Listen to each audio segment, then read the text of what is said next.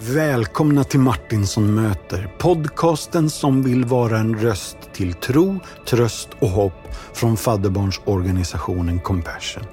Det är jag som är Martinsson och idag ska ni få möta Frida Torjeby fotofantasten som gick mediegymnasiet och extra knäckte som pressfotograf på helgerna och somrarna. Hon pluggade vidare på HDK och blev sedan designer på Volvo Cars efter att ha haft en utställning som blev minst sagt uppskattad. Hon blev headhuntad av världsledande företag men valde att flytta till en liten stuga i Jämtland istället. Vi på Martinsson möter undrar ju varför. Hon har en stor förkärlek till Skånepepparkakor och hon visste precis vad social distancing innebar långt innan corona kom. Och sen är det Marcus Torjeby, Öckeröarnas egen skogsmulle, som bodde i en kåta i skogen en bit utanför Järpen i nästan fem år och det skrev han en bra bok om. Frida och han fann varandra och med barnen flyttade de tillbaka 2013 till Helgesjön i Jämtland. Marcus är den som kan gå till ICA iklädd flipflops och underställ och glömma vad han skulle handla men komma hem en timme senare och haft många trevliga samtal. Han tycker själv att han har pratat sönder löpning i poddar men han upplever sällan att det samtalet landar i vad som är viktigt på riktigt. Det försöker vi göra här. Vi snuddar även vid hur hög Fotebron är och eh, barndomens olympiader på Stenklosvägen. Precis innan pandemin så kom Frida och Marcus ut med sin bok Sova ute. Som har blivit en braksuccé och hela världen behöver ta del av den. Lyssna, läs, landa och njut.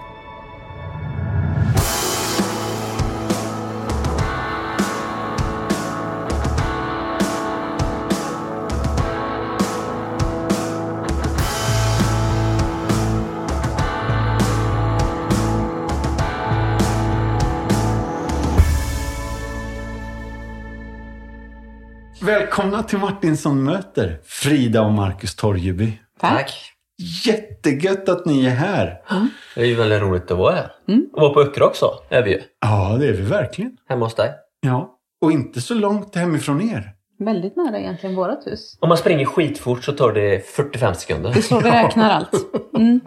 typ, om man blir jagad av en gubbe som är skita, ja men då tar det 45. Ja. Annars kanske det tar 55. Just det. Eller man ska komma ihåg en kod. 0348. Typ. Vad hette det då? du kommer alltid ihåg eh, Ja, jag hänger alltid upp det vid löpning eller sånt där. Om det är något, eh, någon kod som är liksom eh, 32.48, då vet jag. Men 32, men det är ju farten på 200 meter om man ska springa exakt. Ja, men då är det ett sätt för mig att komma ihåg. Det här var ruggigt nördigt, rakt ner i den. Ja, underbart. Mm. Hörni, jag tänkte börja med, med fem fåniga frågor. Och nu noterar ni säkert att jag inte sa fem snabba, utan sådär. Så det, det, får ta den tid det tar. Jag tänker att vi börjar med Frida och sen får du svara på samma fråga, Marcus. Mm. Och så håller vi på så fram och tillbaka. Mm. Tills vi har gjort de här fem första och sen kan vi slappna av. Frida, hur ser din drömdag ut? Åh. Eh, det är ju vakna, kaffe, mm. starkt svart kaffe. Yep. Alltså om man får välja så skulle nog kanske man skulle haft lite äggost till också med eh, yeah. eh, jordgubbssylt eller jordgubbar. Det är gott.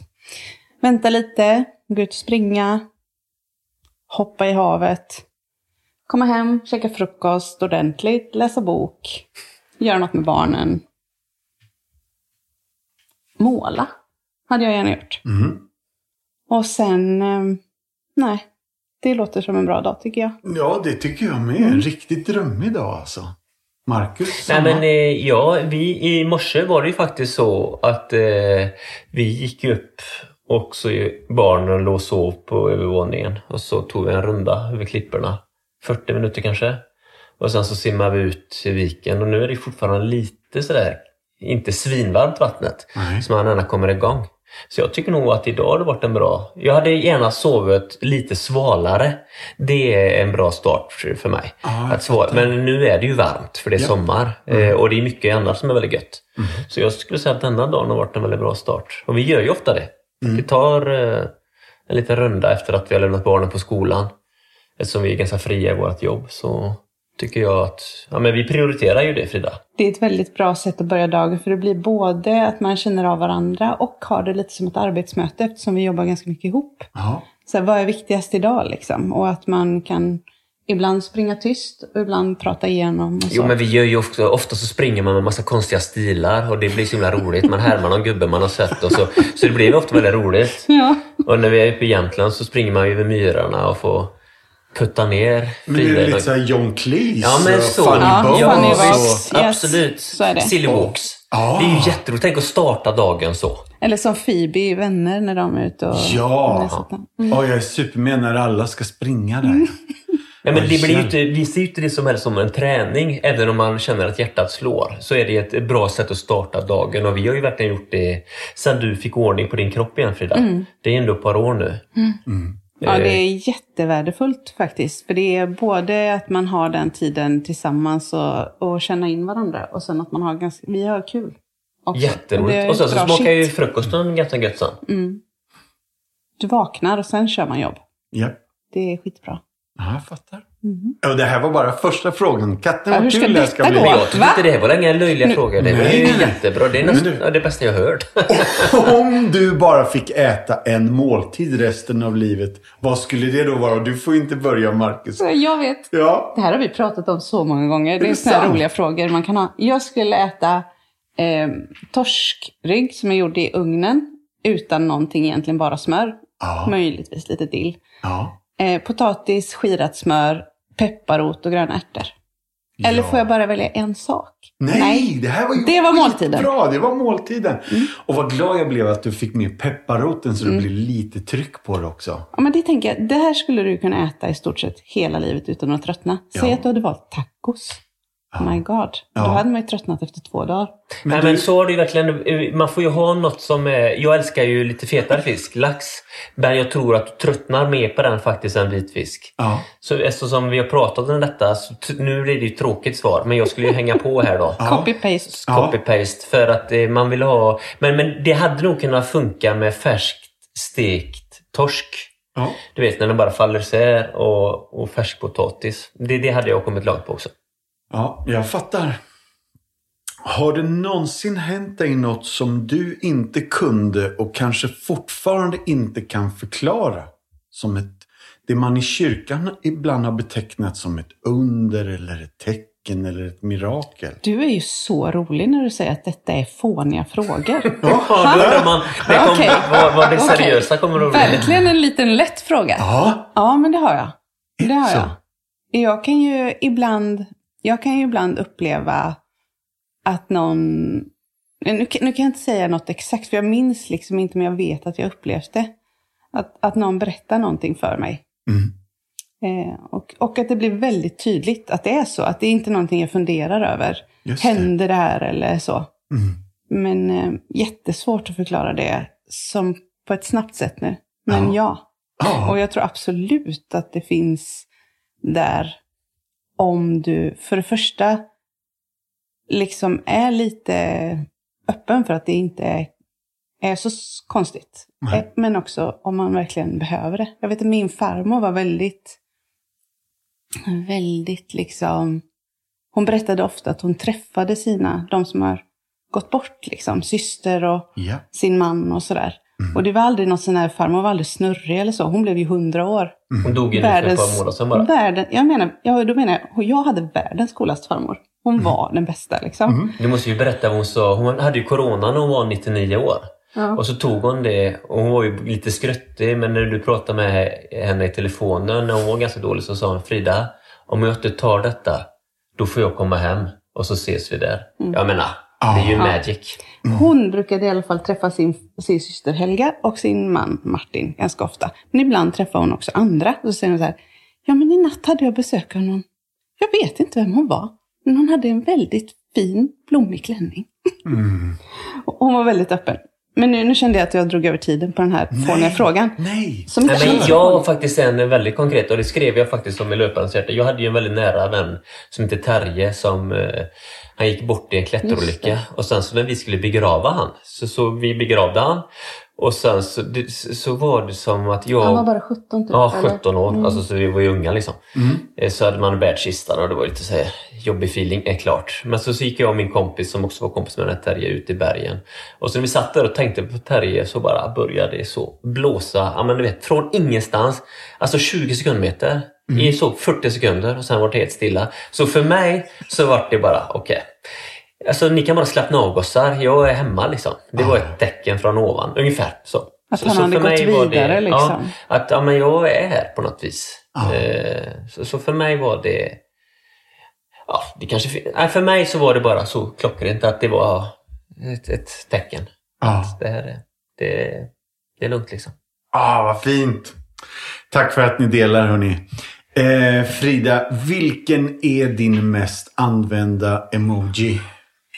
Eh, en, eh, antingen är det den här, när jag jobbar Ja. så är det det här ansiktet med ett par glasögon på sig. Någon som ser väldigt så här, smart ut. Nej, Ah, okej. inte, inte solbrillorna utan så här, okej nu har jag löst det här. Det är ofta om jag skickar till min revisor eller någonting. Just Så här, det. ja, jag har liksom löst detta. Så då är det den. Annars i det privata så är det nog eh, antingen ett hjärta eller någon som vinkar. Ja, men du. Gött. Jag är ju... Det var ju faktiskt så att jag inte haft en telefon eh, som har haft sån här emojis förrän för en månad sedan. Så är det. Plus att du aldrig skriver sms utan Nej. du alltid ringer. Jag ringer det spelar ingen roll om det är liksom vdn på ett bolag Nej, och nej, klockan är mitt i eh, mötestid. Nej. Du ringer alltid. Jag tycker det är så... Men, men nu på slutet av sista månaden så har jag skickat den här två händer ihop. Praying Ja, hands. lite så. Det har jag gjort. För ofta, eller kanske lite mer så här då. Nu när det har varit, vi har ju ändå ett Instagram som min hustru sköter. Och då blir det ganska mycket, man får mycket frågor från utlandet. Så, ja men vi som vill tacka och då blir det den. Ja. Så. Det är inte så mycket frågor utan det är ofta väldigt, så här, väldigt fina ord. Ja. Och då kan det nog bli sådär, vad ska man säga liksom? Så då tycker jag att den, så, så den skulle jag säga. Japp.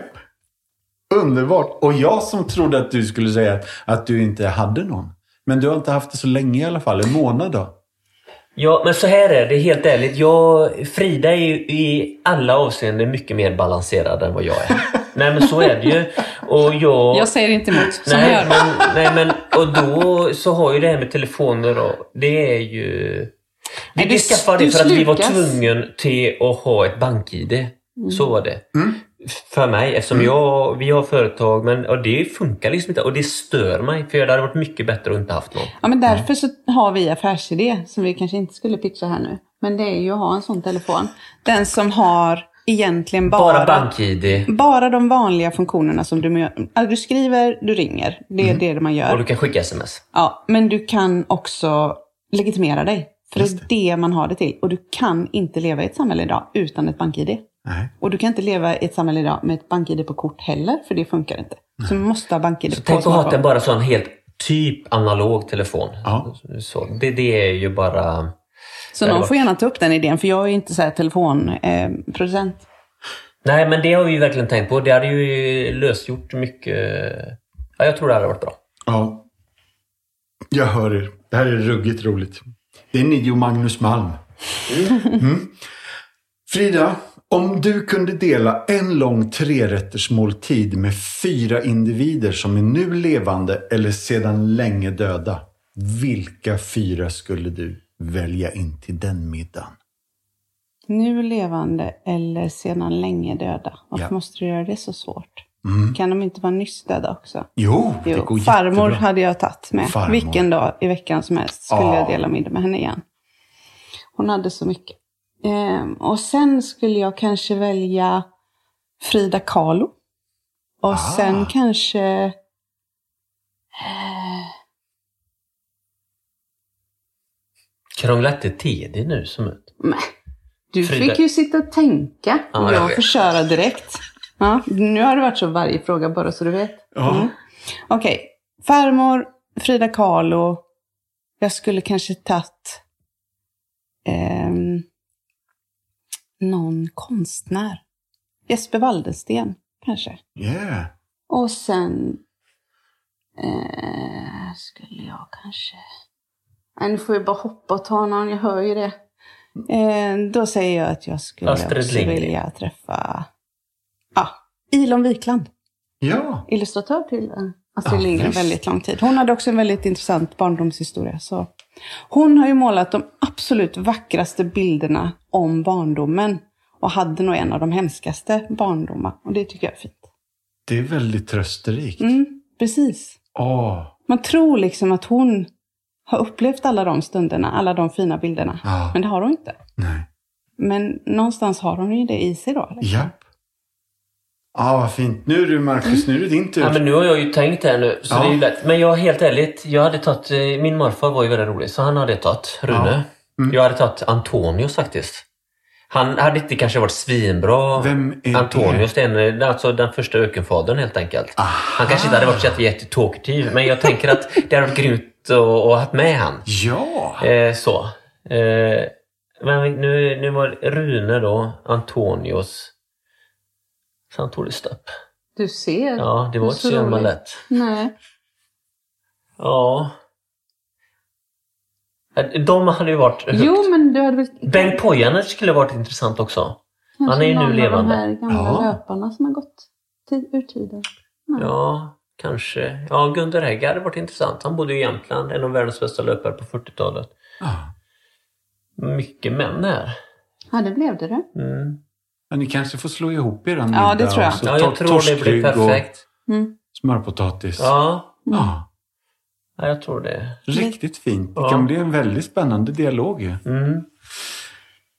Nej, men jag tänker då eftersom eh, vissa av de här som jag har valt, de var ju mycket uppe i huvudet. Eh, så. Men på ett sätt. Men jag, jag tänker att eh, den gemensamma nämnaren är också att eh, jag tänker som min morfar där. Och Alltså- jag tog bara kreativ Jo, men det nu. är också det att det är ju något i... eh, i hu- ja, men det är någon, någon form av kontakt med natur tror jag. Det känns som Mm. alla de jag eh, liksom nämnde har det. Och då blir det lätt. Man är, i- man är i huvudet men också i kroppen i natur. Alltså det blir som någon bra kombo där tror jag. Ja, hörni. Vi är klara med de första fem. Tack snälla. Nu då. 14 januari 1977. Frida, vad hände då? Alltså, då kom det en jättestor bebis. Som var jag. Ja, jag vägde jättemycket. Jag hade legat två veckor extra i mammas mage och göttat till mig. Mm. Eh, men jag var nog inte redo innan det och då gör jag inte grejer. Så Nej. det var väl samma sak som alltid. Ja. Mm. Du, eh, alltså. Timmersdala, Motala, Tibro. Eh, stämmer allt det här? Mm. Det stämmer det. Ja. Timmersdala är födelseort då, kan man väl säga. Ja. Sen flyttade vi till Motala under en period och sen flyttade vi till Tibro där min farmor och farfar är ifrån. Ah. Och efter det har det varit lite annat också, men eh, som, som familj så bodde vi på de ställena. Japp. Mm. Men eh, det, det, eh, det kan inte ha varit superlänge i Motala för det är östgötskan och... Sköterskan har inte satt sig riktigt. Har du... Nej, det, det är ändå skönt. Det är ändå skönt. Ja. Alltså det hade varit hemskt. Jag vet inte faktiskt vad jag har mest för dialekt. Frågan men någon, är ju om vi- Någon typ av väst... eh, väst... Du tror inte vi hade varit tillsammans om Nej, men hade, hade hon varit från Skåne så hade vi inte varit ihop. Punkt slut. Och det låter ju så hemskt. Ja. Jag har ju många, jag har ju släktingar i Skåne Ja. också, men, alltså, Ja. det, men det är Kan gränslöst det om det också vara varit... en del från Skåne som lyssnar på den här podden? Jo, men det, jag menar bara med dig Frida. Mm. Det, för vi har verkligen pratat om sån här riktig... Nej men Motala, vi bodde där från att jag gick kanske, eller ja, från jag var sex år till um, 6 till 12 år, så det är ändå sex år. Ja, just Mm. Gött. En storebror. Yes, Henrik. Mediagymnasiet blev det. Ja, det blev Ja. det. Det var första året det fanns. Jag tror jag ville göra något, eh, att jag sökte något annat sådär. Och jag vill inte gå, vad det hette, estetisk. Ja, För det hade så himla lågt renommé. Att det var lite så, jag ville ändå gå i skolan liksom. ja just det. Mm. Just det. Men, Men- men, alltså det här är ju skönt för tidigt så hittar du ändå din, din eh, fåra. Ja, jag tror jag alltid, alltid velat göra någonting kreativt. Fast jag har ändå velat jobba, om man säger. Jag är inte, jag är kon, inte en konstnärssjäl på det sättet liksom. Nej. Att man måste verka fram saker och dricka massa rödvin har nog aldrig varit min grej Nej. så. Men jag har alltid velat jobba med kreativa. Ja. Eh, och fotografi fastnade jag för väldigt tidigt. Mm. Eh, redan på mediegymnasiet. Och redan på gymnasiet började jag jobba för tidningar. Ja, pressfotograf på somrarna. Precis, helger och kvällar och somrar. Ja. Mm. Skövde Nyheter, Jönköping och, och Ja, alla Skövde möjliga. Nyheter, Jönköpingsposten, Skaraborgs Läns Allehanda, Hallandsposten. Ja, Jag har jobbat på några sådana mellanstora. Men tidningar. där har vi ju faktiskt en väldigt rolig grej. Nu kommer jag med instick ändå. Mm. Som handlar om detta. När du jobbar på Jönköpings-Posten. Då var ju det den här stora rymningen från Hall. Just Du, så det Jag var ute och jagade här. Självklart! Nej, Satt i någon buske där. också. Kaxholmen, ja. Nej, Precis. men- ja, Ja. det var ju häftigt. ja, det var De faktiskt bilderna- ganska... Ja, det var lite spännande. Sladda omkring där i bil och leta. Lite rymlingar. Och sen en piket. Helikoptrar. Ja. Det var faktiskt ganska roliga bilder med piket, liksom, styrkan som går där i så här kohagar. Och det var verkligen så här idyllisk sommar, Jönköpingstrakten, blå himmel och Ja. flaggor och så kossor. Och så kom värsta paket liksom. Med hjälmar och sköldar. Ja, ja, liksom. visst. Ja, Ja, det var ju kul. Det har jag glömt bort. Mm, kul. Eller Det var- ja, kul. det var jo, bra. kul. Mullsjö folkhögskola, Ja. Karlstad universitet, kulturvetenskap, arkeologi. Ja, men, frågetecken på? ja, Hur det- katten har du fått reda på detta? Ja, det undrar jag också. Och det är ett väldigt stort frågetecken på Ja, arkeologi. ja. Jag tror att det var så här, ja men ändå väldigt spännande tills jag kom på att det finns ju inga, inga sådana jobb. Du kommer ju bara sitta inne och skriva rapporter. Du kommer aldrig vara ute och gräva. Nej. Så, så jag släppte det helt. Ja, Ja, och gick vidare på fotografi istället. ja. Mm. Sen kan inte jag ordningen här med en fotohögskola Mm. med foto och film och lägenhet i övre Johanneberg och HDK. Mm. Ja, Jag tror så här, Fotohögskolan var ju, jag försökte verkligen komma in på Fotohögskolan många gånger. Du får ju söka, det är ganska hårt, det är lite så här nålsöga. jag tänkte väl det. Eh, Men jag kom ju till slut in. Eh, Och då vet jag att jag minns att jag sitter på den här intervjun och då är det ju liksom kanske sex stycken olika professorer framför oss. Så har de sin, mina bilder och mina arbetsprover och så framför sig. Och ett papper då vad man har Ja. gjort för grejer. Och då vet jag att Tuija var där. Hon är en av Sveriges eh, liksom mest kända fotografer. Hon var professor då på Fotohögskolan. Då spände hon sina ögon och mig och sa så här på sin finlandssvenska så. Frida, brukar du avsluta det du ger dig in på? Och jag bara, Hä? ja, eh, det gör jag nog på något sätt, typ.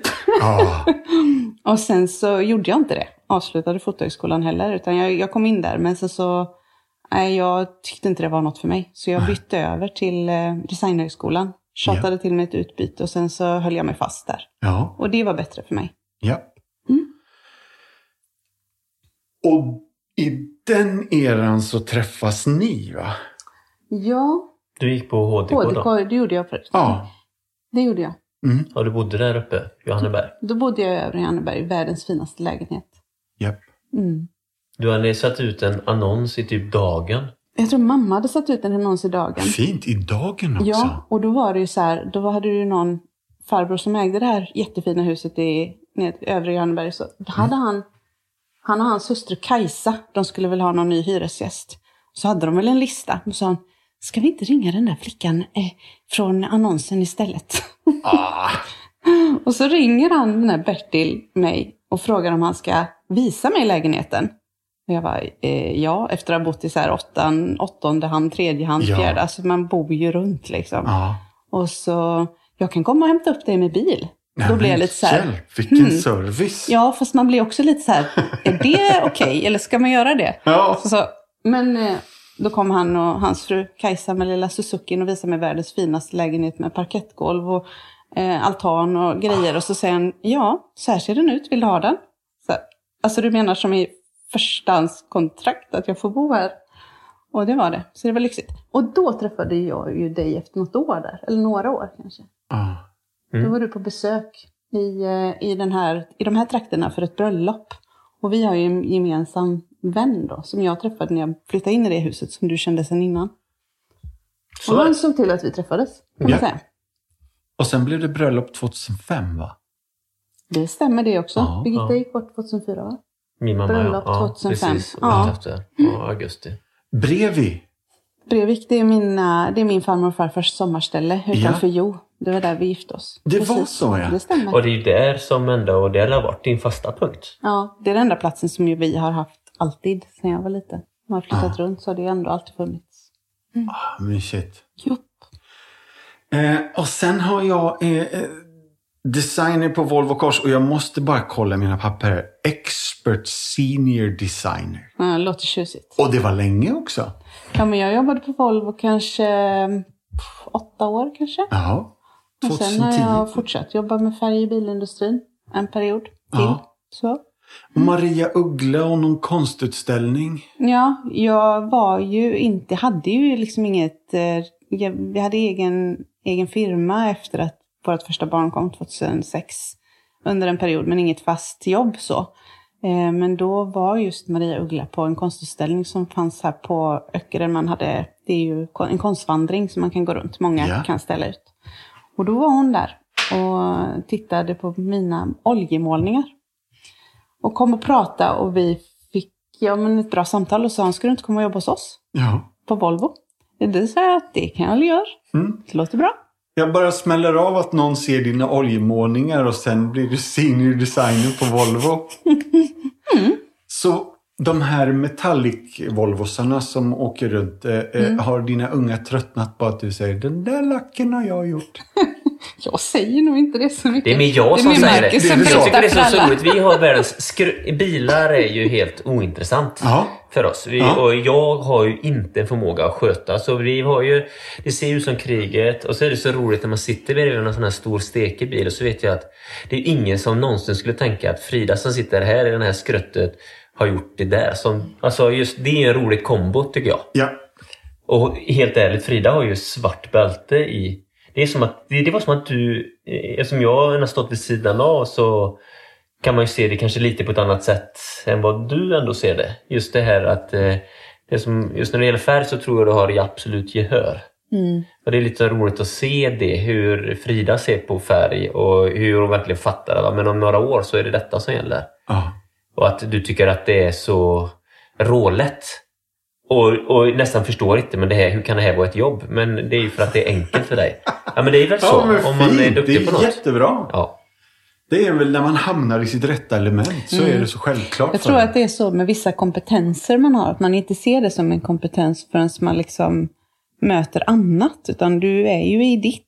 Du är det. ju i ditt huvud och du ser det du ser. Och det är inte förrän du mäter det med andras intryck och sådär som du förstår kanske att okej, det där kanske är något jag kan. Mm. Det är på samma sätt som ni är säkert duktiga på musik och man liksom har den här, alltså, jag- tänker att när någonting är enkelt för en så har man lite svårt att se det som en kompetens helt Ja. enkelt. Ja, spännande. Men du Frida, Öckerö till Jämtland och nu ska jag bara namedroppa här då. Mörsil, Järpen, Undersåker, Åre och om man kollar på din Facebook Frida så är det en favorit med Helgesjön. Ja, Helgesjön. Det är vår är allas våran favorit tror Är jag. det? Det är, en sån, det är ett sånt, eh, det ligger väldigt nära vårt hem. Ja. Och det är ju en sån där plats som är vacker alla årets dagar. Så. Ja. Eh, och eftersom jag gillar fotografi så är det, det blir ju lite återkommande att det dyker upp. Och det är lite så här tillflykt. Och det är lite som, det är lite som havet där uppe på något vis. Att du ser liksom ut över den här sjön. På sommaren kan det ju vara liksom badväder. Men du har ändå snö uppe på fjället. Du ser Åreskutan bakom. Ja. Så, så det, är liksom, det är ju en ganska dynamisk plats. Så. ja, det är horisont. Ja, det är horisont. Det är väldigt skönt. Och det var ju också runt Helgesjön som jag har bott i alla mina år. Mm. Där. Det är ju där, Ja. kan man säga. Just det, är det där din kåta står i skogen någonstans? Ja. Yes. ja. Det är väldigt nära där, precis. Mm. Hmm. Mycket coolt alltså.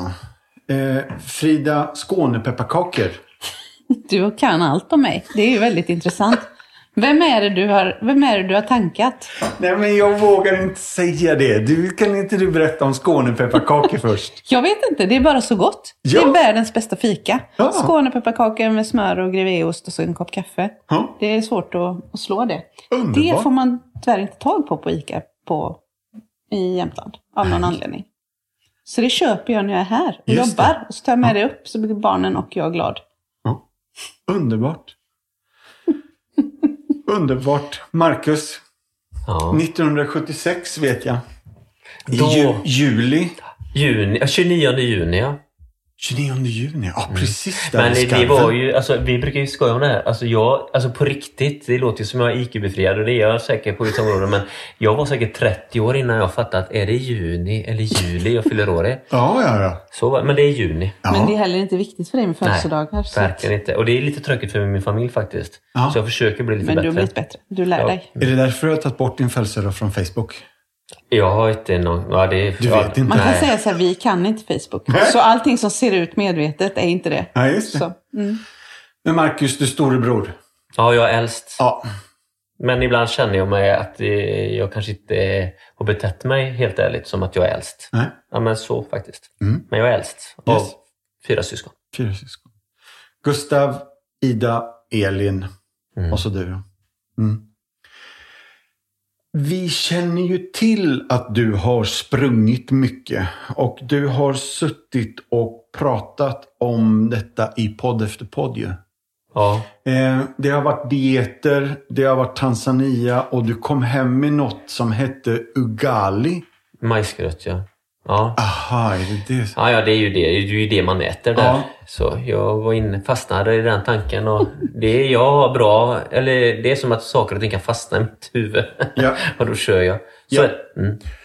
Och du, morfar var gammal och dålig och blev gul och sa skaffa dig ett fruntimmer, gift dig och låt henne bestämma över dig.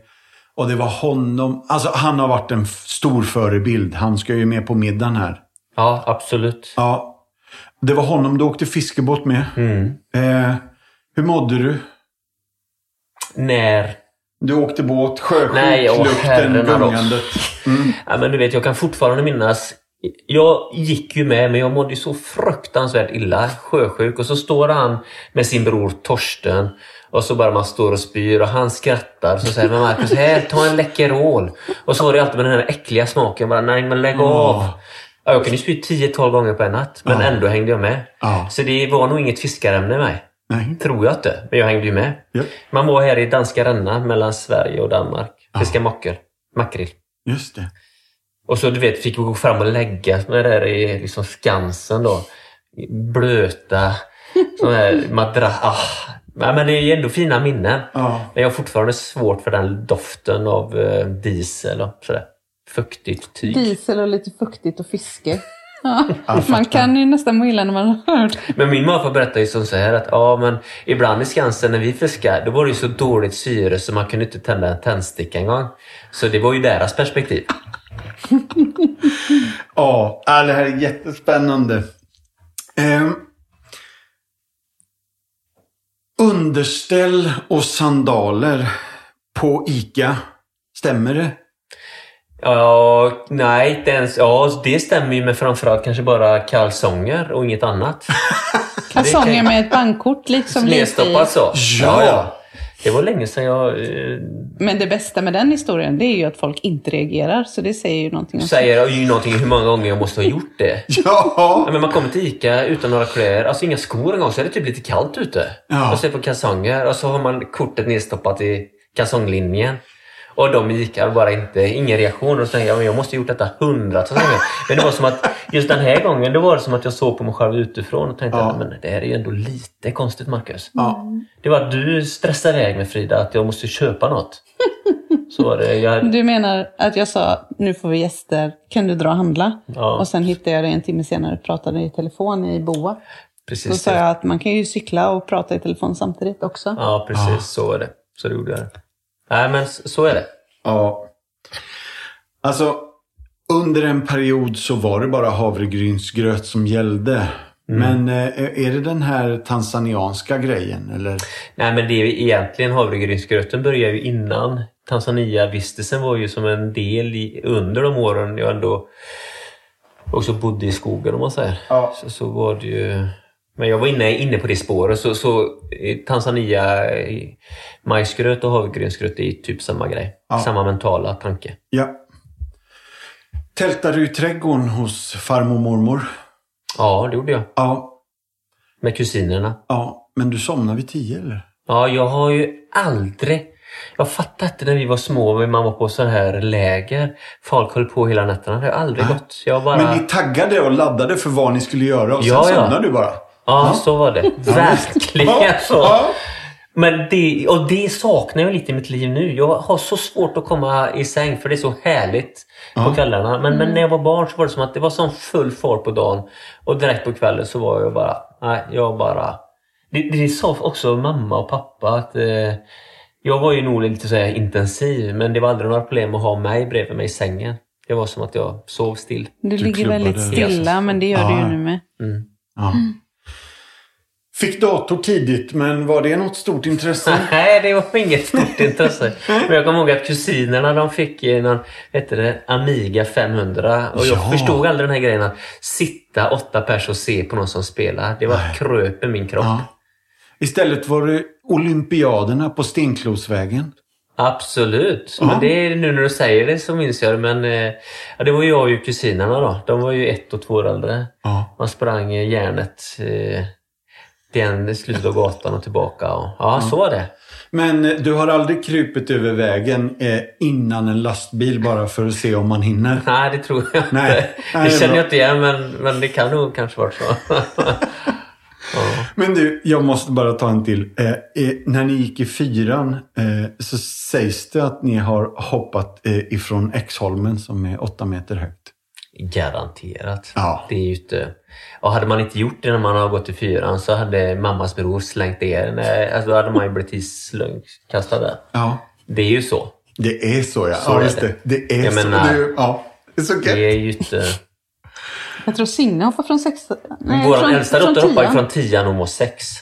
Och det är vad vi bara sitter med. Så, så det ligger... eh, Det ligger i blodet. Ja. Ja, jag fattar. Jag har redan hört om Fotobron och den Ja. var i 20 meter och ni var där innan den var färdig. Mm, Ja, så var det. ja. Och då var det så här, ni kan inte hoppa det gössa, för det är så massa armeringsjärn där under som står. Så hoppar ni så kommer det bli spetsade. Men vi tänkte att om du kör stora båtar där under ja. så måste det ju gå. Mm, Men eh, det, det är alltid så när man aldrig gjort något innan. Det var ingen som hade hoppat där, så vi visste ju inte. mm. Men eh, visst, det gick ju bra. Du, jag har hört av någon att du redan som liten gärna gick på toa utomhus. Ja, så är det nog. Ja, det har nog aldrig varit en stor grej faktiskt. Nej? Ja, eller eh, så. Ja, det är... Vi brukar kalla det Torgebymagen. Ja. Det är, man gillar och Ja, underbart. Men jag bara tycker det är gött när man... När, det var någon som refererade till att du han bara ut på, på trappan och sen pinkar du där. Ja, så kan.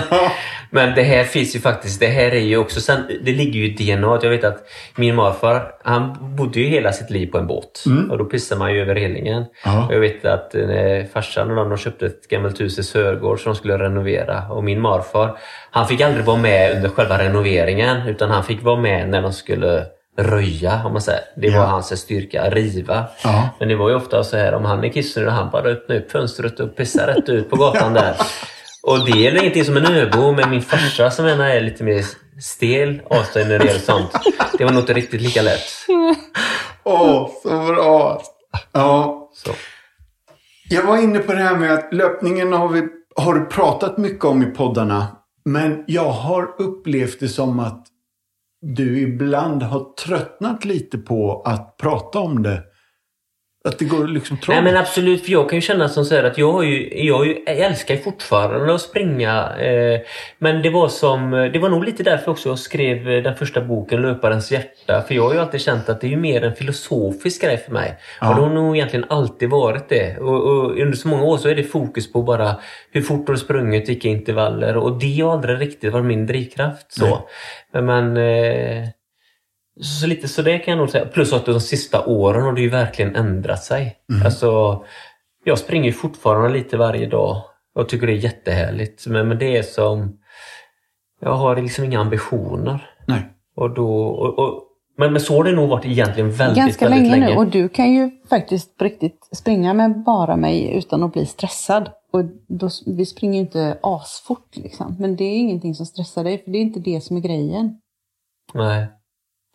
För mig har det nog, det blir ofta så här, ibland så undrar jag, men är det bara en efterkonstruktion? Men när jag ser tillbaka, även när, det, när jag tävlade, eh, även om jag egentligen aldrig har gjort det mycket, så, så det jag ändå minns från jag är ung så är det, ja men du vet, jag bara sprang över klipporna. Alltså den här känslan. Så det är nog egentligen det som alltid varit min drivkraft. Sådär. Ja, Jag tänker att du kommer springa när du är 80 också. Om jag kan. Mm, Så om kommer du jag kan. göra det. Mm. gött. Absolut. Men istället för allt det här som ni har pratat om så hör jag att det finns någonstans ni skulle hellre vilja prata om det som är viktigt på riktigt. Absolut. Och om ni skulle definiera det lite mer då? Om vi gör några cirklar, vad är det som är riktigt viktigt? Men det är ju en fråga som jag, som jag och Frida, vi, vi ställer oss ju den varje dag. Och jag Ja. tror egentligen inte att du behöver ha ett svar på den. Nej, man Men- måste nog bara veta att det är någonting man måste reflektera över. För gör man inte det så tror jag att man kan hamna i en sits där man inte riktigt vet vart man är på väg. Men vi känner ju ändå, med vissa grejer, vi vill ju försöka skapa ett liv där man har möjlighet att tänka sina egna tankar. Det, det känner ju ändå att vi, ja men så, i mitt huvud går ju, jag bara hör ju. Ibland kan jag se på mig själv när Frida, när du Filmar. gör något Instagram-inlägg så tänker jag, men shit alltså vad fort jag gör allting. ja men det är så det är med mig. Ja. Men jag tänker ju inte det. Jag bara ser när jag hugger ved, det bara går med farta. Ja. Så allting går ju fort och därför är det så viktigt för mig och för oss att komma i miljöer där det är lite mer stilla. För det är som att det bara exploderar i mitt huvud Mm. Du fall. behöver ju ha att omgivningen rent fysiskt ger en annan typ av motstånd än, eh, än tempo. För tempo är inga problem för dig, så du bara accelererar upp. Förstår du? Alltså, så när vi är i Jämtland till exempel. Jag menar, jag, är, jag älskar Öckerö. Jag är jättenöjd att jag är född här och liksom allt det där. Men det blir för nära, det blir lite för intensivt för mig. För mig så funkar det bättre skogen, fjällen, snön och kyla. Det dämpar lite och då blir det... Då, jag, jag tror att jag blir en bättre version av mig själv. Och jag tror ju, och nu låter det ju som bara att det är min vilja att vi är det, men så är det inte. Vi lever ju ett gemensamt liv. Men jag tror att vi båda ändå mår bra av att få... Jag har ju också väldigt stort behov av stillhet, men när jag känner behov av stillhet, då tar ju jag mig det.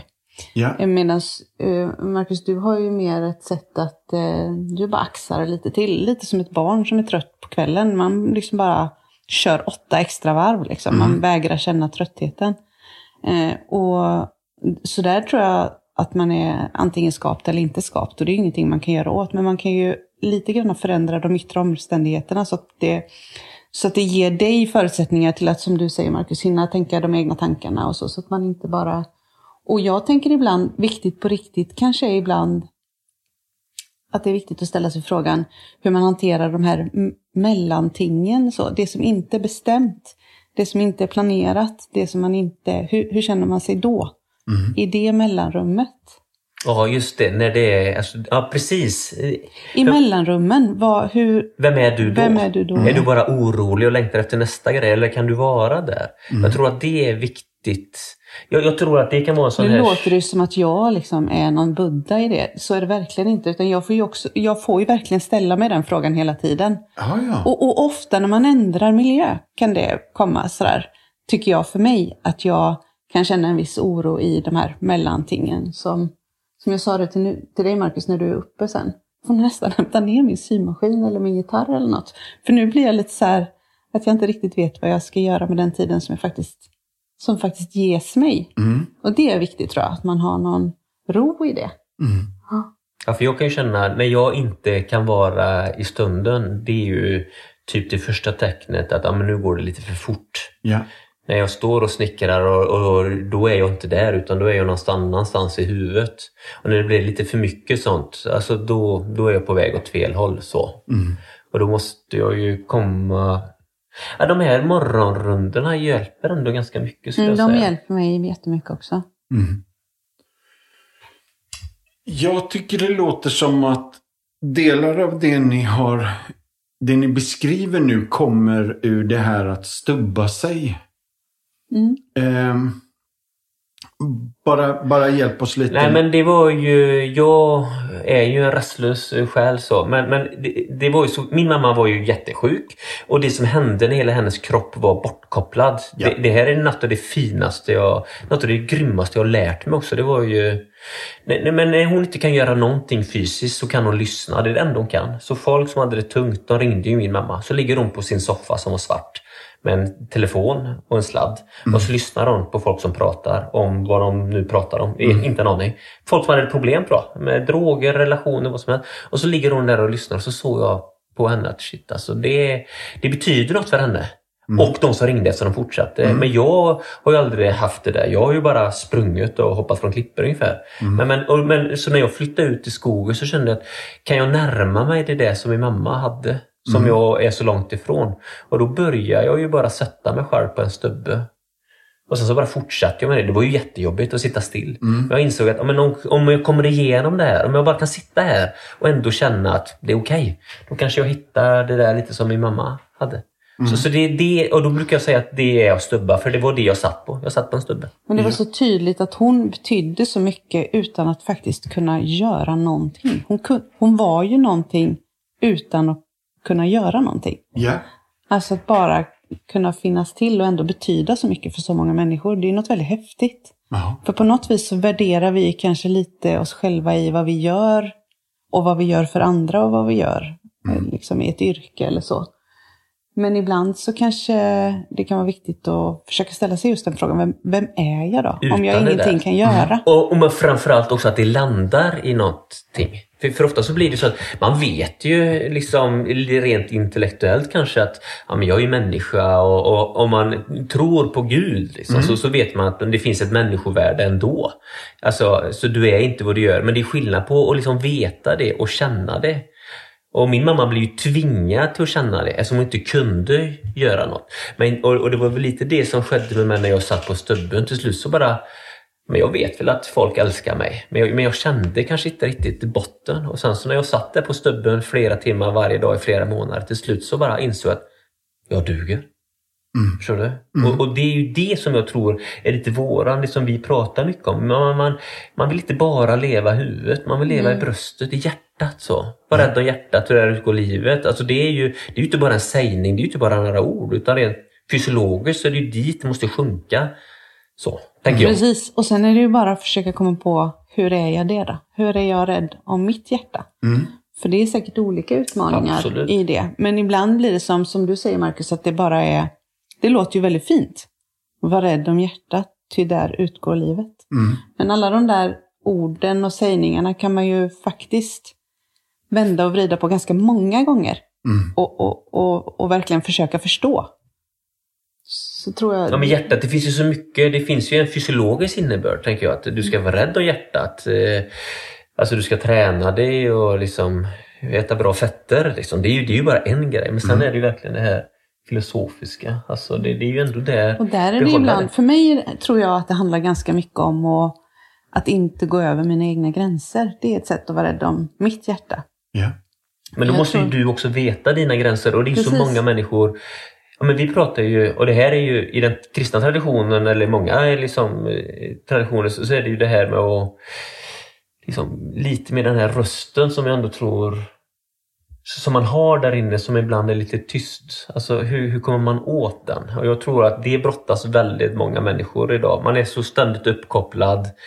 Man är, man är som jag liksom. Det går fort med allting och man bara öser på. Så, så till slut så hör man ju inte den där. Jag tänker att de här naturliga pauserna som kanske fanns för inte sådär jättelänge sedan fyller vi ut väldigt lätt idag med till exempel en skärm. Alltså vi, Ja. de här pauserna som faktiskt var en typ av stillhet. Och det kanske låter så här bakåtsträvande och tråkigt men jag tror på riktigt att vårt huvud behöver det. Liksom. Och att det är svårt att, att ersätta det med något annat än bara det här liksom blankt. Att du inte ska liksom, underhålla dig själv. Det är ju en utmaning alltså. Ja, jag För tror att det här är ju en sån grej. Vi pratar ju som vi... Man pratar om AI, artificiell intelligens, men vi brukar ju nästan prata om AI som analog intelligens. Att det låter så konstigt att man behöver lyfta den tanken. Men jag tror ju verkligen att få vara i någon form av kropp och rörelse. Alltså det är ju skitviktigt. För idag är det som att allting går mer och mer åt huvudet. Besluten tas i huvudet, men är det där de ska tas? När jag träffade Frida, vad var, det jag, vad var det jag upplevde Frida? Var det huvudet eller var det hjärtat? Liksom? Och jag, jag tror ju Eller mer... magen. Ja, men precis. Men hjärtat och magen, om det är typ samma. Ja, alltså, så ja. känner jag. Det, det, det, ja, helt ärligt, om man bara pratar om det så tror jag att många, antingen tänker man med huvudet eller så tänker man med ballen. Liksom. Mm. Du måste ju ha någonting däremellan. Det är det som är the shit alltså. Mm. Och så tror jag det är när det gäller allt. Intellektuellt så vet många att men det här är rätt och så känner man att eh, jag vet inte om man ska ta den här liknelsen, men, men ibland så, så tänker jag att eh, men det, måste, det är däremellan. Så, så då pratar måste ju huvudet sjunka ner i hjärtat och hur gör man det? Och, och där har man olika strategier tror jag. Men vi pratar ju också ibland om just det där med magkänsla. Kan man säga att magkänsla är nästan som helig ande? Alltså vi pratade om det lite som att, att det är en typ av intuition och att vi ibland så, så, så värderar vi inte magkänslan lika starkt som det andra. Men om man tittar på hur en människa egentligen fattar sina beslut så är det väldigt lite i huvudet Ja. egentligen. Bra. Och det är väldigt mycket i magkänslan. Japp. För vi är skapta så. Men om vi inte tror att det är på riktigt, utan vi tror bara att det är det intellektuella som är på riktigt, då tror jag vi går fel väg. Liksom. För, för just också när det känns gött det här, kan det då vara fel för andra? Alltså just vad blir då frukten av vårat liv? För jag tänker att om, om frukten blir dåligt, ja men då kan det inte vara rätt. Alltså lite sådär Ja. tänker jag. Ja.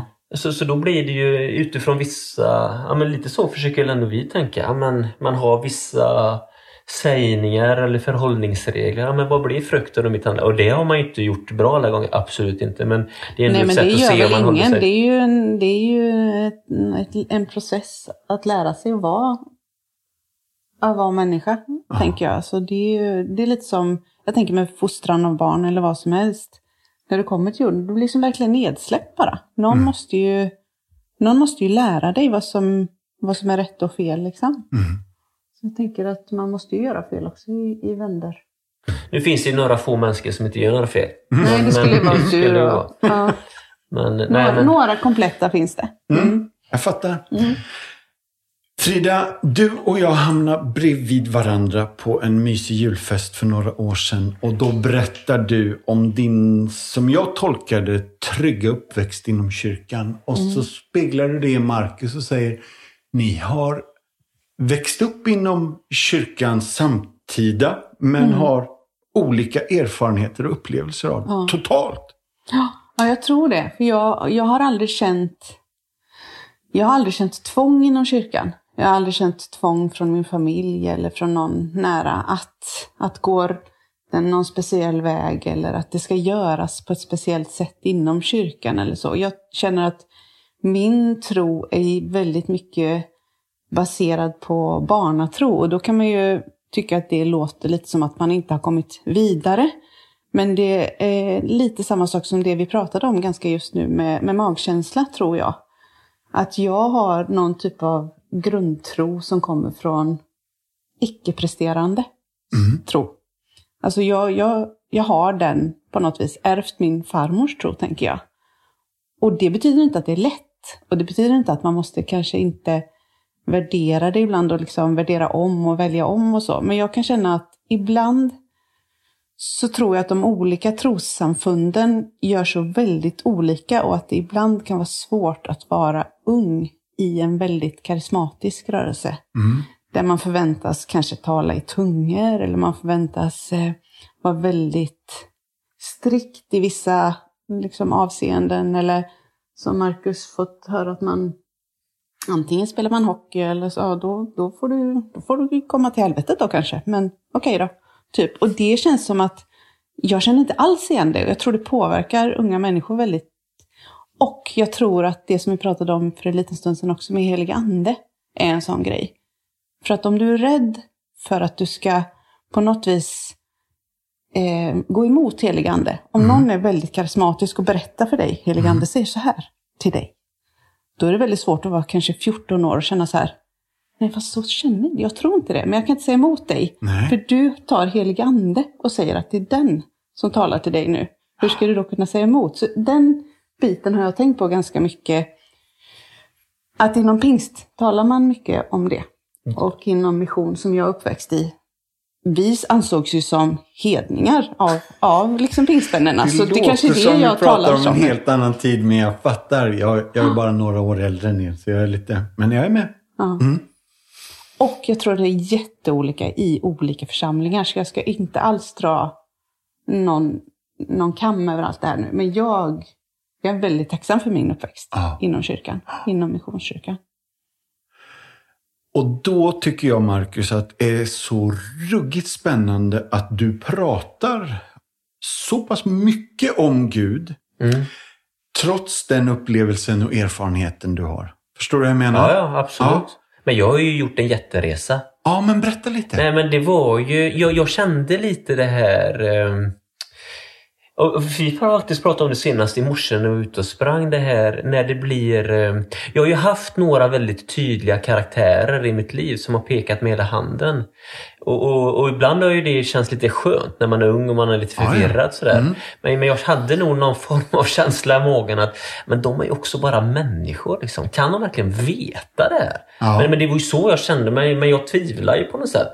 Och just där jag var uppväxt, man ska också veta att jag är väldigt glad att jag är uppväxt där jag är uppväxt. För jag har också lärt mig sjukt mycket och förstå vad, vad den där hårdheten som jag ändå upplevde kom ifrån. Alltså, man ska ju veta det att Sverige, vi var ju ett av Europas fattigaste länder 1910. Liksom. Japp.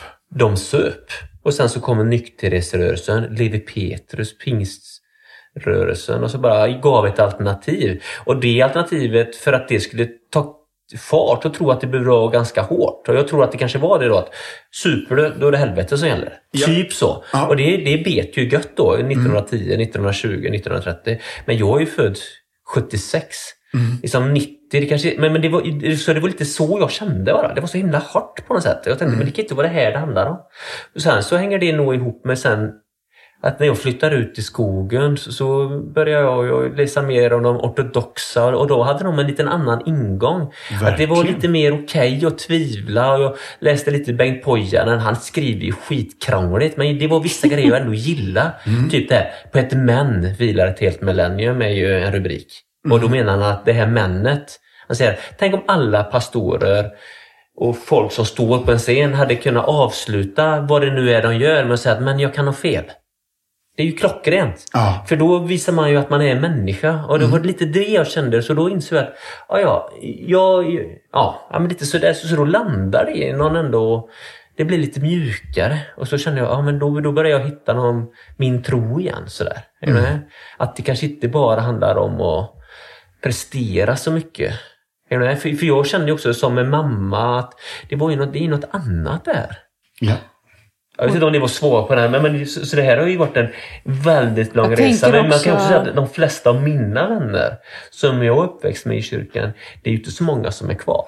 Är det så? Så är det. Och för mig är det ju lite tvärtom. Mm. Så man vet ju inte riktigt. Men jag tänker också att just vad det gäller din mamma så fick du ju också uppleva en Det del fina liksom. Ja, fast också det inte så trevliga när man pratar om det här med helande och du Nej, måste men du bara vet, vi tro var ju, mer. ja och- men det är ju lika bra jag kör på. Alltså vi var ju, mamma var ju jättesjuk. Alltså vi visste, eller vi visste, vi tänkte väl att hon kommer väl fortsätta leva men hon var ju typ, man kan inte prata, man kan inte äta, man får bli matad. Och då när man hör någon eh, komma och säga att du måste bara tro mer. Ja. Förstår du menar? Och sen så blev hon bara ändå sjukare och sen så... Nå- någon beordrar dig att liksom ställa dig upp. Och så kan du inte det. Du har inte stått på 15 år och då känner jag... ja, och så det- säger man bara, du måste bara tro mer. Och så tänker jag så här, jag vet inte om jag någonsin har träffat någon som är så jättestark tro som Birgitta. Nej men just hela den här... Eh, människor vill ju väl, alltså sådär. Och, och ibland, men, men jag, jag, jag för min egen del känner att det måste finnas en lite mer... Eh, eh, jag, så här, om, om, man, om man springer och ska komma i riktigt bra form så måste man våga vila. Förstår du vad jag menar? Det är Ja. då du kan komma i väldigt bra form. Jag har träffat så många människor som de vågar aldrig komma i, i form. De vågar liksom inte släppa taget och då Nej. kommer du aldrig i superform. Och jag har varit likadan. Alltså jag hade kunnat springa otroligt mycket fortare om jag hade slappnat av lite mer. Och ibland kan jag känna att det varit lite så i kyrkan, där jag har varit uppväxt. Det har säkert ändrats lite nu. Men, men det var som att eh, bara lita på att det bär. Ta ett steg tillbaka. Du behöver inte ligga på så himla hårt. Då, då tror jag att det blir ännu grymmare för då kommer folk också släppa garden och så kommer de öppna upp hjärtat och så kommer det bli mycket bättre. Men jag tror att många har inte vågat det och framförallt för ja, men för år sedan så tror jag att det var lite så. Och jag tänker på ödmjukhet, att man har en ödmjukhet inför andra människor. Att man inte ställer sig och tänker att man är den som är bättre än dig hela tiden. Nej. Eh, Jag tänker just på det som vi pratade om med Birgitta. Man har, får höra att man ska tro mer. Så hon, hon hade ju liksom rollerblades och, och gåstavar i sin garderob som hon hade varit och provat ut. De skulle hon ha när hon blev frisk. Och då hade hon inte gått på 15 år. Då kan man ju säga att det är ingen liten tro. Nej. För hon har MS. Alla säger till henne att Du ska dö det liksom. här, du dör i detta. Men hon, hon tvingar någon assistent att åka in där och prova ut dessa. Jag skulle vilja sett det liksom. Och så sa hon så här, alltså du vet, jag undrar varför det är så tyst, men vad menar du? Ja men varför säger han, jag vill ju bara få, jag vill att bara änglarna ska komma i natten och säga till mig att nu är det lugnt liksom. Men det är ju aldrig så. Men hon bara valde det ändå. Förstår Ja. du vad jag menar? Och så Ja. jag kan ju Sådär. Och jag, jag, så tänker jag, men om det också funkar för henne så tänker jag att ja, men, ja, jag ärver ju det av henne. Jag tycker att det finns någonting fint. Så därför väljer jag också den vägen. Sådär. Jag har inga svar, men jag tänker att det inte heller det det handlar om. Så. För, för mig så är det mer som, det är som musik. Musik kan man lyssna intellektuellt med huvudet eller så är det något som är här nere någonstans. Och det är lite så jag tänker med, med tron. Det, det, det är något annat så. Och man är så olika. Det finns de, om man nu får använda musik som en liknelse, så kanske det finns den klassiska, den är, den är lite mer teknisk. Kanske, jag vet inte. Men vi säger att det är så. Sen så finns det något som bara är mer... Från början så kanske det inte var klassisk musik. Kanske musik var bara en känsla som skulle förmedlas. Och för mig så är ju... Alltså det jag menar med, med min tro så är det, jag kommer aldrig bli den här tekniska, så som kan alla bibelord. För det är inte det som är, utan det är mer bara de här som har gått före. Mormor, morfar, din farmor, min mamma. Jag tar med mig det. Ja, det tycker jag är ett sånt fint arv. Att jag kan nästan bara tänka på farmor och vila i att hon valde detta. Hon, hon upplevde detta. Japp. Jag tar det med mig. Det fick jag av henne. Då tar vi en liten paus i samtalet och så ska vi berätta lite om Compassions arbete i fält. Och den här berättelsen har rubriken Larrys krock och det hållbara hoppet.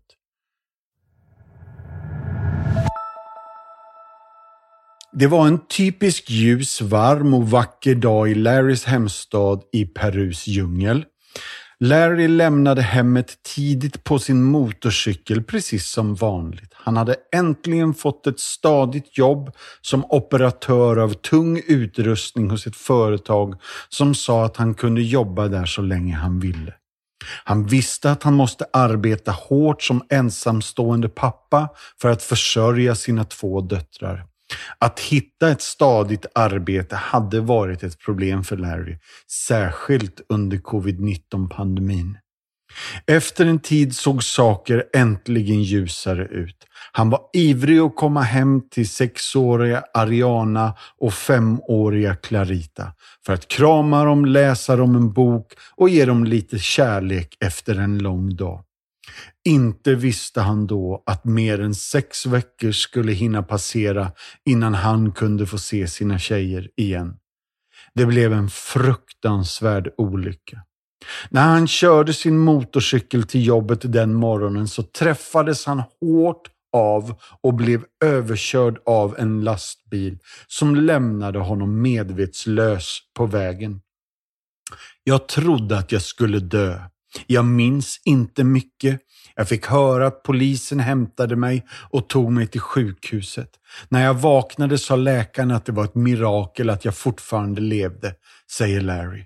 Efter åtta olika operationer i olika kroppsdelar och specifika instruktioner från läkarna att inte göra något tungt arbete och vila i 18 månader så kunde Larry ändå inte vara mer än tacksam till Gud, vännerna och kyrkans Compassion Center för att Herren faktiskt hade räddat hans liv. Flickorna fick varsin fadder för ungefär tre år sedan då deras mamma hade lämnat dem och deras pappa blev ensam vårdgivare.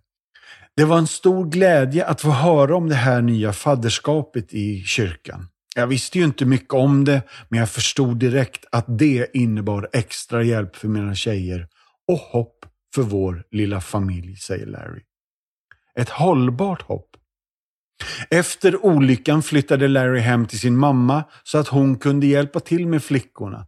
Men han kunde fortfarande inte arbeta och hans känslor av frustration försvann inte. Jag frågade Gud varför. Jag var arg, jag var ledsen och jag kände mig maktlös. Jag förstod på något sätt att svårigheter, det är ju en del av livet, men det här var för mycket. Jag kände att mitt hjärta blev hårt, berättar Larry. Bland alla hans frågor så fanns det alltid ett hopp inom honom. Ett hopp som upprätthöll honom under de långa månaderna efter olyckan. Dessutom var Compassion-personalen och kyrkans vänner alltid redo att komma med ett ord av uppmuntran. De var alltid i kontakt med mig, även när jag var på sjukhuset. De påminde mig om att de skulle vara där för mina tjejer och finnas till hands också för mig, både känslomässigt och andligt. Jag är väldigt tacksam för deras hjärtan och välvilja, säger Larry. Compassion-personalen har fortsatt att besöka Ariana och Clarita, inte bara för att uppmuntra dem och be för dem, utan också för att förse dem med matkorgar. Compassion-personalens besök är vanligtvis höjdpunkten på flickornas dag. Jag är glad när de kommer och jag gillar när våra matkorgar har yoghurt, kakor och flingor och ibland kommer jag inte ihåg lektionerna från min handledare, men jag har ändå lärt mig att Gud älskar mig väldigt mycket och att Jesus stod för mig, säger Ariana. Flickorna de älskar att leka tillsammans och deras leenden kan lysa upp en dag. Vi älskar att leka med våra leksaker, fixa i köket, leka kurragömma och jag ber till Gud i mina böner att han ska hela min pappa snabbt. Så att han kan köpa den där datorn och kylskåpet som han sa före olyckan, säger Clarita. Det är en lång väg till återhämtning och vägen framåt för den här familjen är brant. Men tack vare Gud har Ariana och Clarita fortfarande sin pappa. Han är precis vid deras sida och hans frustrationer och trötthet och begränsningar hindrar honom inte från att fortsätta träna dem i sitt liv. Jag lovade Gud att jag skulle uppfostra mina döttrar för att lära känna honom. Det är min gåva till dem. Jag älskar när deras handledare kommer eller ringer till dem och lär dem olika saker om Gud. Jag är tacksam för det. Deras besök, deras hjälp, uppmuntrande ord kan betyda mycket för mig. Jag skulle vilja att de kom oftare, säger Larry och ler. Trots allt de har uthärdat som familj så har de inte förlorat förmågan att hoppas, uthärda och le. Istället är de tacksamma att de inte behöver gå igenom de här nya utmaningarna ensam. Dagarna blir alltså fyllda med kärlek från tjejerna, familjens stöd och både praktisk hjälp och uppmuntran från Compassion-personalen. Centret har funnits där för oss sedan dag ett. Deras hjälp är så värdefull för mig. Vad de gör för oss påminner mig om att Gud ser efter oss och han har aldrig lämnat och han överger oss aldrig. Det gör mig glad att se mina tjejer le. Hjärtligt tack, säger Larry. Jag tackar centret för att de ger oss mat, säger Clarita. Och när jag växer upp, då vill jag bli en poliskvinna eller köra en stor lastbil som min pappa. Jag älskar också min fadder och jag sänder honom många pussar. Compassion är en fadderbarnsorganisation som har funnits i snart 70 år och vi hjälper 2,1 miljoner fadderbarn i 25 länder. Vårt uppdrag hittar du i Markus evangeliet 16 och 15. Gå ut i hela världen, predika evangelium för hela skapelsen. Som svar på missionsbefallningen existerar alltså vi, som en förespråkare för barn i nöd, för att frigöra dem från andlig, ekonomisk, social och fysisk fattigdom. Och vi vill vädja till dig. Kom tillsammans med oss så kan du och jag och vi förvandla liv. Och för 310 kronor i månaden kan du bli fadder till ett barn i Compassion. Gå in på vår hemsida och bli fadder idag. www.compassion.se Och tänker du, nej men jag har ju redan ett fadderbarn. då är jag lite extra frimodig idag igen och säger ta gärna ett till. www.compassion.se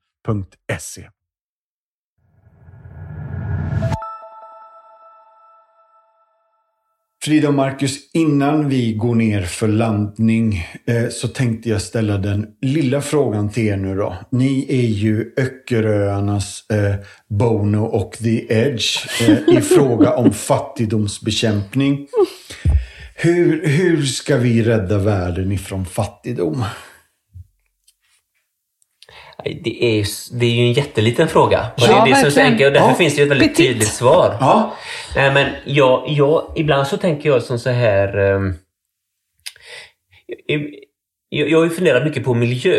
eh, Sådär. Eh, Och, och, och när argumentet hela tiden blir att eh, vi måste konsumera mindre. Det, det är liksom enda sättet att rädda miljön. Så tänker jag, det kommer ju aldrig att bita.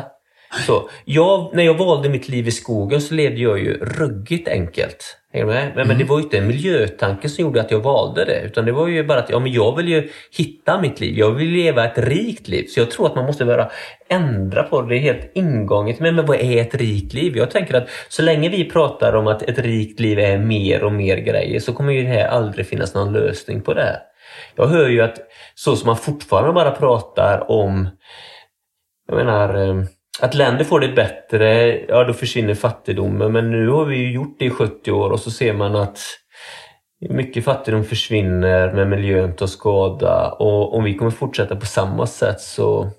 Nu blir det ju fattigdom på grund av all den här genomkonsumtionen. Så jag tänker att det måste ju vara en... Det handlar ju om balans, tänker jag, att vi inte har någon balans. Att vi har det här systemet där några är extremt rika och några, de allra flesta är, är fattiga. Och Jag, jag har verkligen inget svar. Jag, Nej. jag kan inte svara på det. Jag tänker att det handlar om en medvetenhet från oss om hur bra vi har det. När jag var, eh, gick i så här kyrkans barntimmar, då vet jag att vi en gång fick göra en sak som jag aldrig kommer glömma.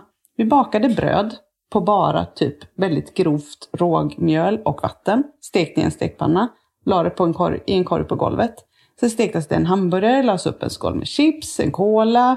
Alltså det var ett sånt tjusigt dukat bord. Och så drog vi lott. Så fick en sätta sig vid det bordet. Den som drog vinstlotten satte sig vid bordet, åt hamburgaren, drack kolan, käkade godiset, chipsen och vi andra åt det här brödet på golvet. ja. Det var en så himla bra bild, för så är det. Och det kan jag, bra. det kan jag liksom ta med mig, men jag, jag kan inte, jag har inget svar. Nej. Det är Men- jättesvårt. Men jag, jag, jag gillar eh, att jag gillar det du beskriver Frida, för jag vet att, att i praktiken så har ni några svar. Eh, Men, men vi ser inte på dem som svar, för jag vet att ni är ju faddrar. Ja. Ni, eh, statistiken säger att de viktigaste sakerna att hjälpa världen med är eh, eh, rent vatten, eh, eh, trygga förlossningar, myggnöt och fadderbarn. Ja. Mm.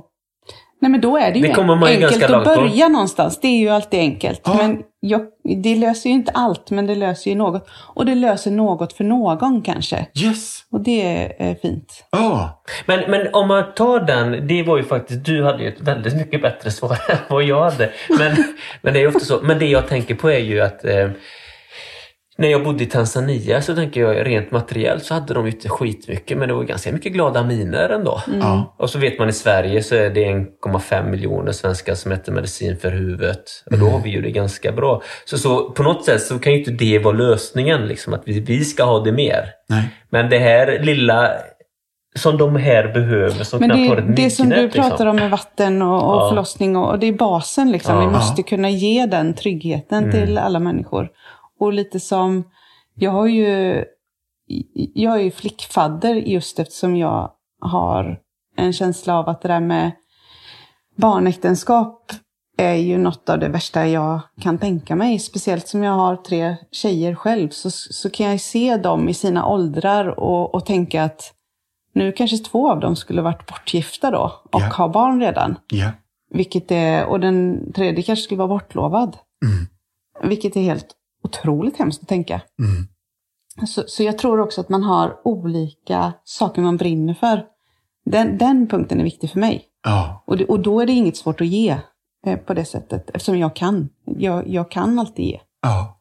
Men man vill ju också välja, för det är svårt att veta hur man ska hjälpa. Men en organisation är ju alltid bra att gå igenom. Ja.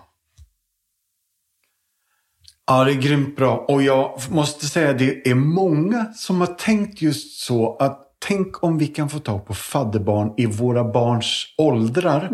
Eh, så att man liksom gör det väldigt tydligt. I, så att man ser, du, den här människan på andra sidan jorden får samma hjälp och liksom samma omsorg och så vidare. Därför att det gör någonting med våra kids också. Men kan det vara så här att vi, för oss är ju pengar, jag menar, vi tänker ju att 300 spänn det är ju ingenting. Alltså vi kanske också måste förstå hur mycket det kan gälla. Alltså kan det också vara en sån grej? Ja. Alltså förstår du? Alltså helt ärligt. Alltså, man snackar om, har du 40 000 i månaden eller 35 eller 50 eller 70? Det är sådana summor som vi pratar om. Ja. Och så tänker man bara, här är det en skolgång kanske liksom 75 spänn i månaden. Liksom. Ja, ja. Jag satt i en podd med Lasse Åberg och hon hade skickat listan på vad hon hade köpt för det han gav. Och det var två getter, det är havregryn, det är i princip en cykel. Du vet liksom, listan var ganska lång och djupt tacksam.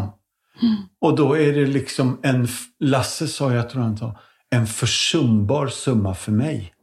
Men för henne är det world changing. Ja, och det kanske vi måste fatta ändå mer. Ja. Och det tror jag helt enkelt... Det, Och jag ja. tror att det konkreta är också är nyckeln, att man liksom kan förstå och se det. För att 300 kronor det är en sak, men faktiskt den här matlådan med det här eller det här kittet för den här personen, Ja. det är mycket tydligare för oss att förstå. Det, det som är abstrakt för oss människor, det, det tenderar vi ju inte välja eller liksom förstå eller gå djupare in i. Men det som är konkret, det, då talar det till oss på ett helt annat sätt. Så jag tror det är jätteviktigt också kanske att man, som du säger, ser vad exakt liksom ger det. Ja. Mm. Hörni, vi eh, ska runda av och jag måste bara säga tack snälla för allt ni gjort och gör. För böckerna, för bilderna, för konstverken. Alltså, precis innan corona så kom ju eh, Sova ute ut i handeln. Ja. Och det var lite eh, eh, timligt kan man säga. Så är det. Ja. Vi, men det är ju, vi har ju på något vis... Det som vi kände är att de frågorna som jag tror att många ställer sig nu, kanske i västvärlden framför allt, de har vi ändå ställt oss ganska många år. Och jag tror att det var väl lite det som vi också satt ihop i den boken. Så, så därför har ju Corona, har ju, just för den sakens skull, så har den ju passat Den har ju landat väl i tiden, den Ja. boken. Men den gjordes ju inte ut efter den Nej. eh, vetskapen att det skulle hända. Det här tycker jag är jättespännande för det här känns lite som Johannes döparen. Liksom. Står ute i skogen och ropar och bara Hallå! Ändra Ja. livsstil. Lite Ja. grann bara. Ja men precis. Behöver inte ändra allt, men Nej. ändra lite. Ja men det är lite så som vi, vi vill egentligen Det är väl lite som det med fattigdomen. Ändra lite så kanske det blir stor effekt. jag. Och så vill man öppna upp en dörr. Mm. Eh, så. Vi pratar om låga trösklar mycket. Ja. Att man liksom kan glida mellan världar och att man inte gör... Att man avdramatiserar. Ja. Ja, det är nog hela vårt budskap tror jag. ja. Och jag, jag tror att ni håller på med en ny bok nu va? Det stämmer. Det är så? Fy vad gött. Det är roligt att göra det tillsammans. Ja, det är jätteroligt att ha projekt ihop. Ja, det är kul. Mm. Det känner vi ju är jätteroligt. Hörni, tack snälla ni för att ni Tack kom själv. till Martinsson möter. Ja, Det var jätteroligt. Mm. Grymt. Ha det gött. Slut för idag och tack för idag allihopa. Vill du veta mer om det som har pratats om i podden så har vi något på vår hemsida som heter Show Notes. Där kan du se alla länkar till sånt vi pratar om när vi refererar till en film eller en bok eller en sång. Då finns de länkarna där, så gå in på compassion.se så hittar du helt enkelt massa extra material. Tack, ha det bra, bye bye, hej då!